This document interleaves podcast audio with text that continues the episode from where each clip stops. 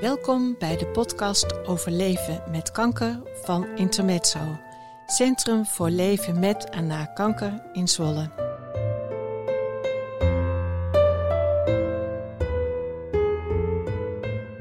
In onze podcast vertellen mensen wat kanker in hun leven betekent, professioneel of privé. Vandaag is uh, aangeschoven achter de microfoon Louise van Gaans. Goedemorgen Louise. Goedemorgen Marlies. Wat fijn dat je er bent. Je bent hier uh, op bekend terrein. Hè? Je bent uh, bij Intermezzo vaker te gast geweest. En daar gaan we het over hebben. Louise van ja. Gaans als gast en meer. Dankjewel. Louise, wie ben jij? Um, ja, Louise van Gaans. Ik uh, ben uh, bijna 66 jaar. Ik woon in Holte en ik ben getrouwd met Bert. Wij hebben samen vier kinderen. En ik was tot een paar maanden geleden uh, docent bij, bij Saxion. En ik hou van wandelen, ik hou van de natuur. Mm, ik hou van creatieve dingen. En wat ja. voor vak was jij docent? Ik uh, was uh, docent bij de opleiding Fashion en uh, Textile Technology in Enschede. Ah. ik heb een textielopleiding en ik heb daar de laatste acht jaar heb ik daar vooral afstudeerbegeleiding gedaan van studenten. En daarnaast was ik supervisor bij sociaal-juridische dienstverlening in Aha. Deventer. Ja. ja. Mooi, mooi werk lijkt me ja. dat. Ja, ja, ja, ik heb afscheid genomen ook wel heel jammer om geen les meer te geven, maar uh, het was goed zo. Ja, het was goed. Ja. Um, je bent bij Intermezzo gast en dat ben je niet voor niks. Uh, kun je iets vertellen over wat jou is overkomen? Ja, nou, een jaar of acht geleden kwam ik bij mijn huisarts en ik had uh, klachten die op burn-out klachten deden, de, leken. Ik heb ooit een jaar of tien geleden een, nou, 15 geleden een burn-out gehad en het leek erop. Mhm. Uh -huh. Dus mijn huisarts die zei, ja, ik denk dat het een burn-out is, maar laat ik voor zekerheid even wat bloedonderzoek doen. En ja, toen ging het eigenlijk uh, rollen. Uh, mijn bloedwaarden waren allemaal veel te hoog. En heb toen uh, allerlei onderzoeken gehad, beenmergpunctie. En daar kwam uit dat ik polycythemia vera heb. Dat is een zeldzame beenmerg, vorm van beenmergkanker, een chronische vorm. En ja, dat heeft nogal wat uh, teweeg gebracht. Dat ja. kan ik me voorstellen. Ja. Uh, wat betekende dat uh, dat je de diagnose kreeg? Wat deed dat met je? Ja, schrikken. Ik weet nog dat de avond na van de diagnose dat mijn kinderen alle vier thuis waren. Die zijn allemaal naar huis gekomen, die wonen wel op afstand. Ja, ja dan is het, het leven is niet meer zoals het daarvoor was. Nee. Het is schrikken. En het is eigenlijk ook nog heel onwetend. Want toen heette het eigenlijk nog geen kanker. Die naam hadden ze er nog niet aangegeven. Um, ik heb me toen wel ziek gemeld. Ik was ook best wel al heel erg moe. En ja, dat, de eerste weken waren heftig. Mhm. Mm -hmm. Ja. De onwetendheid en de onzekerheid die zo ja. heftig is. Ja, en de medicatie die ik kreeg, waar ik misselijk van werd. Dus ik was eerst moe, maar daardoor was ik misselijk en moe. Ach. Dus echt heel, ja, een nare periode. Ja. En na een week of drie ben ik toen halve dagen gaan werken. En dat ben ik blijven doen. Oké. Okay. Ja. En hoe is het verloop verder gegaan? Want je vertelde net dat uh, het al een flink aantal jaar geleden is dat je de diagnose kreeg. Ja. En hoe is dat verder verlopen? Um, ik, ben, ik, heb, ik ben me gaan verdiepen in van wat betekent dit nou? Wat, wat heb ik nu voor een aandoening? Ik ben veel gaan lezen. Ik heb ook wel een. Uh, ik heb coachgesprekken gehad bij een uh, fysiotherapeut. Um, ik heb systeemopstellingen gedaan. Ik heb eigenlijk ben ik. Ik werk altijd heel hard. En toen ben ik ook gewoon heel hard aan het werk gegaan om weer wat grip op te krijgen. Want uh, deze aandoening die kan mutaties geven en dan heb je een heel slecht vooruitzicht. Maar met een beetje mazzel gaat het, blijft het zoals het is. Nou, ik heb geluk. Ik heb denk ik ook heel erg geluk gehad met mijn huisarts dat ze mij gelijk heeft doorgestuurd. Ja. Want het duurt soms jaren voordat mensen erachter komen dat ze deze aandoening hebben. Dus ja, ik ben minder gaan werken. Het heeft ook. Mijn kinderen zeggen altijd van je hebt de mama van voordat ze ziek was en nu. Ah, zo ingrijpend is het dus. eh. Ja, maar ze zijn er best blij mee, want ik ben nu wat minder zuinig. Oh, minder zuinig. minder zuinig, ja. Ik zei ik kom eigenlijk uit eh, West-Brabant en dan zeg ik, ja, ons zeeuw bent zuinig. Dus ik deed altijd een beetje zuinig, maar sinds die tijd denk ik, ach, laten we genieten. dus ze hebben er ook nog wel profijt van. Ik ben toen met de kinderen om en om een keer eh, op vakantie geweest, met elk kind. En ik, ik ben wel anders in het leven gaan staan. Toch Ja. nog meer van eh, pluk de dag. Maar dat was het eerste jaar ben ik daar druk mee geweest. En na een jaar, ik ben toen op een gegeven moment ook gaan zoeken naar andere medicatie. Eh, Ik ben naar een ander ziekenhuis, ik ben naar een eh, academisch ziekenhuis gegaan. Omdat het zo zeldzaam is, ben ik gaan zoeken naar een arts die daarin gespecialiseerd is. Die heb ik toen gevonden. Kreeg andere medicijnen, waardoor de misselijkheid overging. Ik minder moe, nog wel beperkte energie, maar minder moe was. Dus daardoor voelde ik dus alles wat ik geprobeerd heb. Daardoor kreeg ik toch meer het gevoel van ik kan nog heel veel wel. Ja, precies. Ja, ja. Wat mooi dat je daar al binnen een jaar eigenlijk zo langzamerhand achter komt. ja. Naar wat je wel kunt en ook eh, je werk hebt aangepast. Ja. En dat kon ook. Nou, dat, dat gaf in, het, in het begin gaf dat wel problemen. Want ik was wel een drager van het team. Ik werkte 4,5 dag en ik ging naar vier halve dagen. De reistijd naar Enschede was lang, dus ik kon meer thuis gaan werken. Maar met mijn leid, direct leidinggevende gaf het problemen. Mijn tempo was altijd al lager dan haar tempo, maar dit, was, dit ging moeizaam. Toen heb ik bij een teammanager eh, heb ik dit besproken en wij hebben met z'n drieën aan tafel gezeten. Mijn taken zijn toen beperkt tot afstudeerbegeleiding en ben ook meer in Deventer, veel dichter bij huis gaan werken. Ehm, en ben me toen heel erg bij het afstuderen gaan specialiseren ook op studenten waar iets mee is. Ik noem het mijn schildpadjes. Die meiden die al bijna tien jaar bezig zijn en maar niet afstuderen. Oh, daar had ik dan studiekringen van. En eh, nou, daar heb ik met heel veel plezier heb ik dat steeds gedaan. ja. dat is je ook aan te zien dat je daar plezier in hebt eh, gehad. ja, ja, ja. Hoe krijgen we deze nou weer een beetje op de rails? Hoe krijgen we haar of hem aan het werk? Ja, precies. Je zegt ehm, de leidinggevende had niet zoveel begrip voor je. Klopt. Ja, ik was een van die radertjes van dat team. En als er één uitvalt, dan is dat lastig. Ik snap dat nu zelf ook beter, nu ik terug kan kijken. Maar toen vond ik het alleen maar heel vervelend. Ja. Want ik had afspraken gemaakt dat mijn taken beperkt zouden zijn. Maar dat was in de planning natuurlijk wel lastig. Dat kan ik me voorstellen. En ehm, had je ook het idee dat er weinig begrip was over het idee van mensen met kanker? Ja, het heet. Ik, noemde, ik durfde het ook eigenlijk geen kanker te noemen. ik noemde het PV, polycythemia vera. Ehm, en je ziet niks aan mij. Ik zie er altijd gezond uit. En als ik op mijn werk was, ik ben vrolijk. Ja, precies. Ja. Dus iemand die vrolijk is en met energie binnenkomt, die kan dus werken. precies. Ja. Ehm, maar als je het beenmergkanker genoemd zou hebben, heb je het idee dat dat anders gevallen zou zijn? Dat denk ik wel, want ik ben het later, ben ik het kanker gaan noemen. Ik merk dat ik het nog steeds moeilijk vind om het woord uit te spreken. Ja. Ehm, ik denk dat dat wel eh, invloed heeft gehad. Ik noemde het toen een ongeneeslijke ziekte. Ja. Maar ik denk dat kanker wel helpt om het duidelijk te maken. ja, en zeker als je zegt chronische beenmergkanker, hoe heftig het ook klinkt, Ja. heb je misschien meer kans op begrip van de buitenwereld of de mensen om je heen. Ja, dat zou, ik- ja, dat zou ik anders gedaan hebben, ja. Ja, Ja. het zou niet moeten, maar het lijkt er wel op. Ja. Ehm, hoe ben je leven verder voortgaan? Want je bent minder gaan werken, je bent wat anders in het leven gaan staan. Ja. Eh, je bent op enig moment ook bij Intermezzo terechtgekomen. Kun je daar iets over vertellen? Ja, ehm, het ging. Na een jaar had ik het eigenlijk best weer wel. Hè, voelde ik me wel gelukkig. En dat is heel lang goed gegaan tot corona kwam.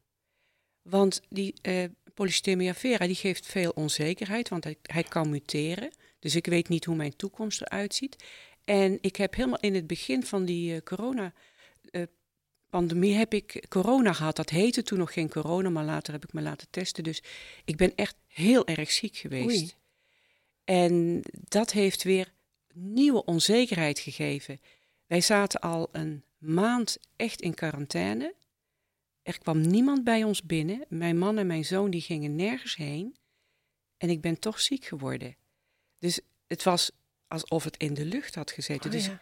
dus die medicatie die ik ken, die onderdrukt de weerstand. Dus ik was gewoon heel bang dat ik het nog een keer zou krijgen en dat ik het dan niet zou overleven. Ja, ja. Onzekerheid is natuurlijk iets wat bij corona hoort en ook bij kanker hoort. Dus eigenlijk een soort kwadraat waar je Ja, het was, het was dubbelop. En toen ben ik weer opnieuw gaan zoeken. Heb weer een paar keer systeemopstellingen gedaan. Wat gesprekken gehad. Ehm, en toen kwam ik via eh Nani Klaasens, die hier eh, ook als vrijwilligster werkt. Ik ken haar al heel lang als intervisiemaatje. Eh, zij vertelde in een intervisiebijeenkomst over eh, de zeven bronnen van levensvreugde. Vreugde. Ja. Ehm, en ik denk, hé, hey, maar eigenlijk wil ik wel een keer aan de andere kant van de tafel zitten. Ik zou ook wel een keer die gesprekken willen volgen als dan als cliënt. En toen heb ik naar de website gekeken van Intermezzo. En heb een aantal podcasts geluisterd. En heb een afspraak gemaakt met Angela. En De zo ondersteuningsconsulent. Ja. ja. en heb een keer een wandelcoach ehm, sessie gehad. En ben toen bij Marijke begonnen met eh, stresshantering. Ja, dat is de cursus omgaan met stress. Die heb je Ja. hier gevolgd. Ja. Hè? Wat heeft je dat gebracht? Nou, heel veel. Vertel. Toen ik aan de cursus begon, dacht ik dat ik nog eh, zou werken tot ik eh, 67 werd. En gaandeweg de cursus heb ik gedacht, ik ga eerder met pensioen. Dat is Ah. eigenlijk het belangrijkste. Dat, is, ja, dat heeft wel heel veel gebracht. En wat, wat eh, was nou de aanleiding om te denken, ik ga eerder met pensioen? Nou, ik begon met die cursus omdat ik last had van, van stress en dat uitzicht bij mij in allerlei angsten. En ik had veel schouderproblemen en ik was op een gegeven moment bij mijn dochter die twee kindjes heeft en die soms heel goed even terug, iets terug kan geven. Die zegt, oh mama, waarom ga je niet met pensioen? Zei, nee Aleid, ik ga werken tot ik 67 ben. Heb ik me voorgenomen, ik werk graag, vind het leuk. En ik zat in de trein vanuit Eindhoven terug naar huis.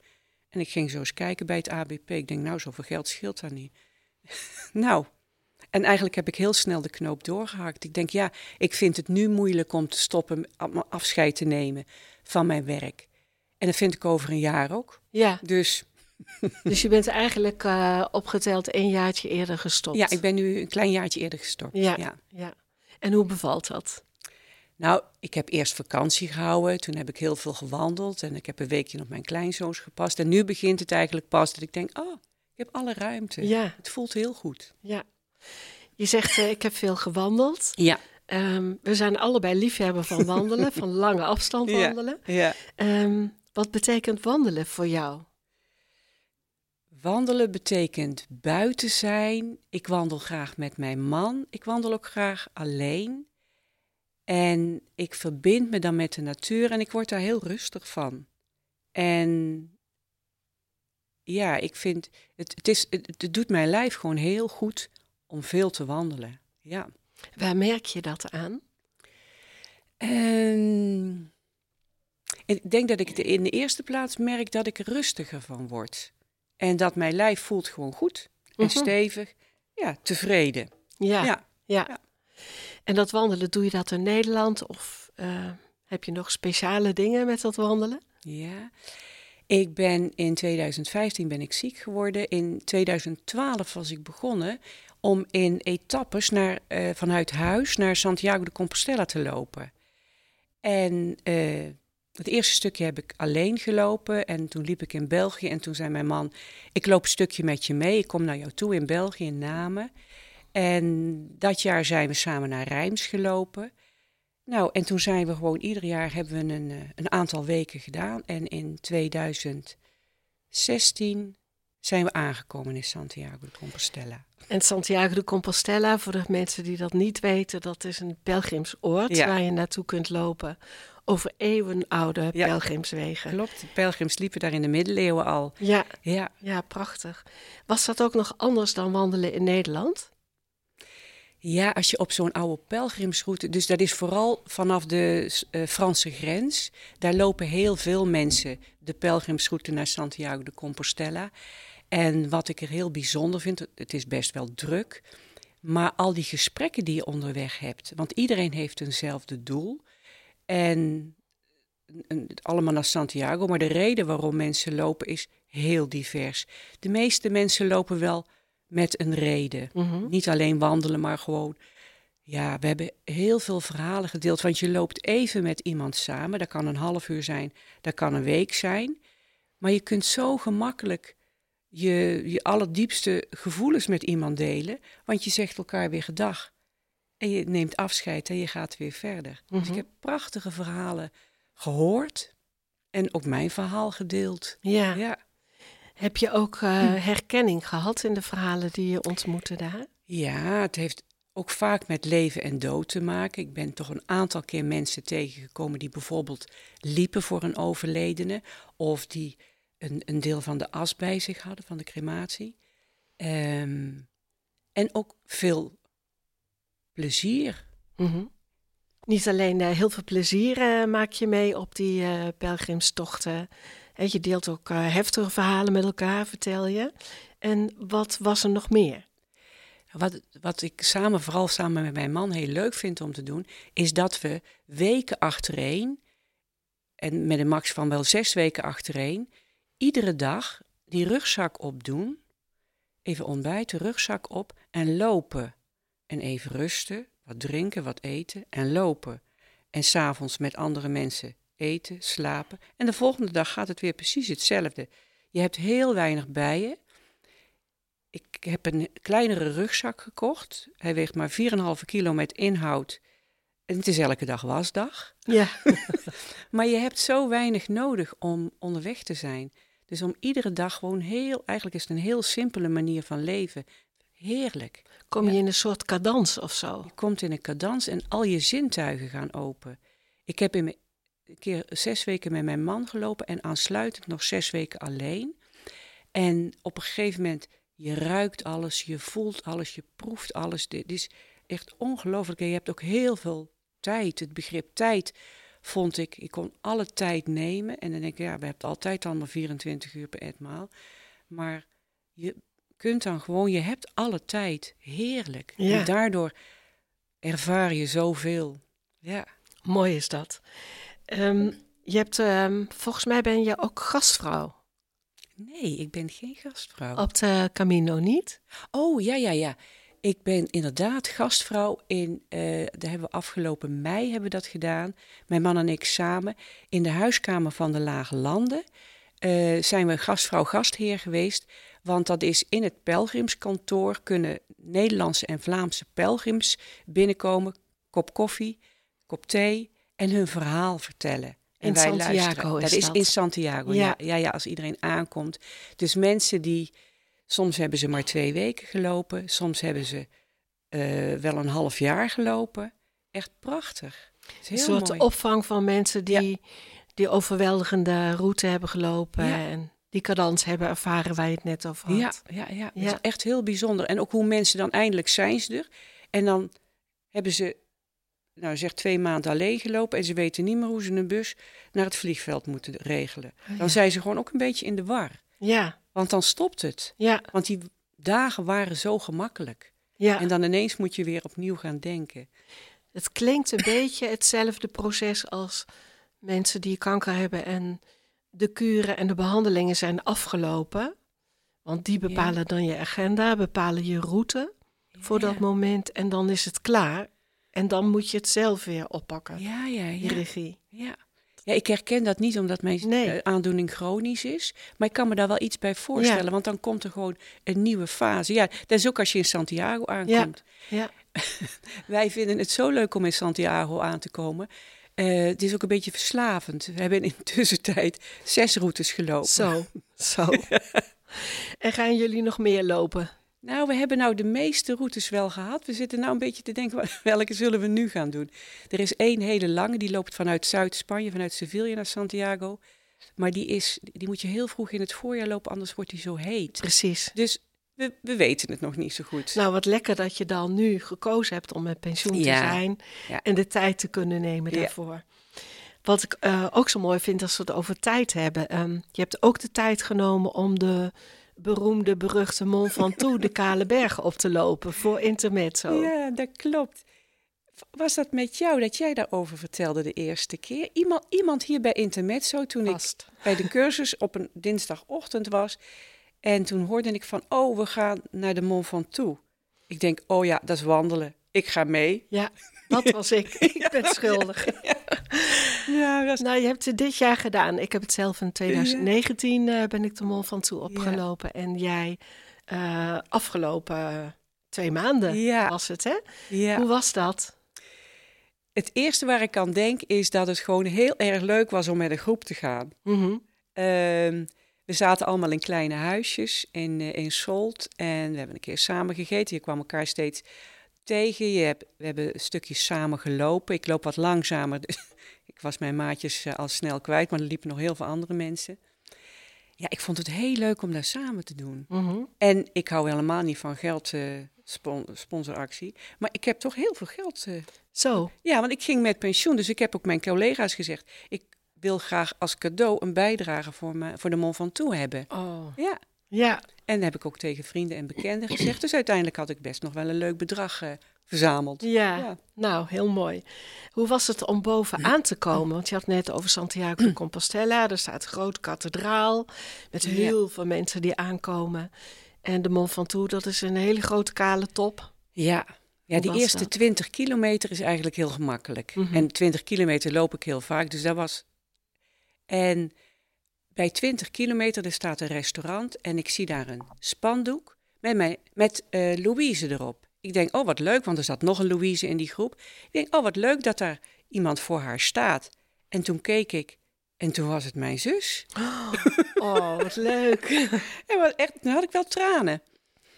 Dus dat, dat vo- vond ik wel heel bijzonder. Helemaal als verrassing, zei mijn, mijn zus met haar partner, die stonden daar met een groot spandoek. Oh, geweldig zeg. Wat een verrassing, ja. Dat was echt een verrassing. En ja, we gingen natuurlijk gelijk kletsen en eh, wat drinken. En toen kwam er iemand van de organisatie die zei... Mevrouw, loopt u nog door of stopt u hier? Ik denk, oeh, nou ben ik helemaal laatst. En ik wil toch echt niet als laatste daar bovenaan komen. Ah, zei mijn zus, ik loop een stukje met me mee, dus is nog een stukje. Maar die laatste zes kilometer, dan ga je pas klimmen. Die zijn zwaar. Ehm, dus ik weer met mijn wandelstokken. En uiteindelijk, want ik loop niet hard, maar ik loop wel heel gestaag door, ben ik nog heel veel mensen voorbij gelopen. Nou, en boven stonden de maatjes van Intermezzo, Corinne en eh, Linda stonden daar, die hebben mij opgewacht. Vond wel heel bijzonder, heel mooi, mooie overwinning. Ja, ja, ja. ja, heel bijzonder om daar aan te komen. Ja. Fantastisch dat je dat eh, hebt gedaan en Ja, dat hebt het- willen doen. ja, en dat het lukte. En dat je het kon doen, hè? Ja. Ja, fantastisch. Ehm, je bent nu bij Intermezzo eigenlijk niet meer gast, maar je gaat de overstap maken naar gastvrouw. Eh, in die zin dat je iets speciaals gaat doen. Ja, Wat ga je doen? Ja, ik ga samen met mijn intervisiemaatje Nanny Klaasens, die mij dus eh, op het pad bracht van Intermezzo. Wij gaan eh, gesprekken voeren eh, op basis van zeven bronnen. En ik begin daar een keer mee als er, een, als er weer een groep is. Volgens mij duurt dat nog wel even. Ja, Dat ga ik in ieder geval voor Intermezzo doen. wat mooi. Ja, ja. Vanuit de energie en de tijd die je nu hebt. ja, ja, daar heb ik ook heel veel zin in. Ja, Ik vind het belangrijk om ja, iets, eh, iets te doen wat ertoe doet. ja. En dat kan daar zeker in. Hè. Je kunt je coachingservaring die je Ja. beroepshalve hebt opgebouwd natuurlijk prachtig inbrengen. Ja, dat En, doe, doe ik ook graag. Ja. Ja, heel mooi. Nou, daar kijken wij naar uit, want eh, hoe fijn is dat? Ehm, we hebben een heleboel doorgelopen eh, over jouw Mhm. proces, van hoe het begonnen is ehm, toen je ziek werd, toen je kanker kreeg en Mhm. waar je nu staat. Zijn er nog aspecten die je graag zou willen toevoegen voor dit gesprek? Nou, ik zou nog extra willen benoemen hoe belangrijk het is voor mij om in beweging te zijn en te blijven. Mhm. Dus ook al ben ik soms moe, om toch wel te gaan wandelen. Mhm. Ja. ja, dat is voor mij echt heel belangrijk. Ja. om buiten te zijn. Ik, ja, ik denk dat het voor mij, maar voor heel veel mensen belangrijk is om. eh, wandelen is volgens mij voor iedereen heel erg gezond. Gezondmakend. Ja, Ja. dat is een hele mooie afsluiter eh, wat mij betreft. Louise, heel erg bedankt voor dit gesprek. En we gaan je bij Intermezzo zien. Nou, heel graag gedaan. En ik eh, zie uit naar eh, de toekomst. Fijn, dankjewel. Je luisterde naar de podcast van Intermezzo over leven met kanker.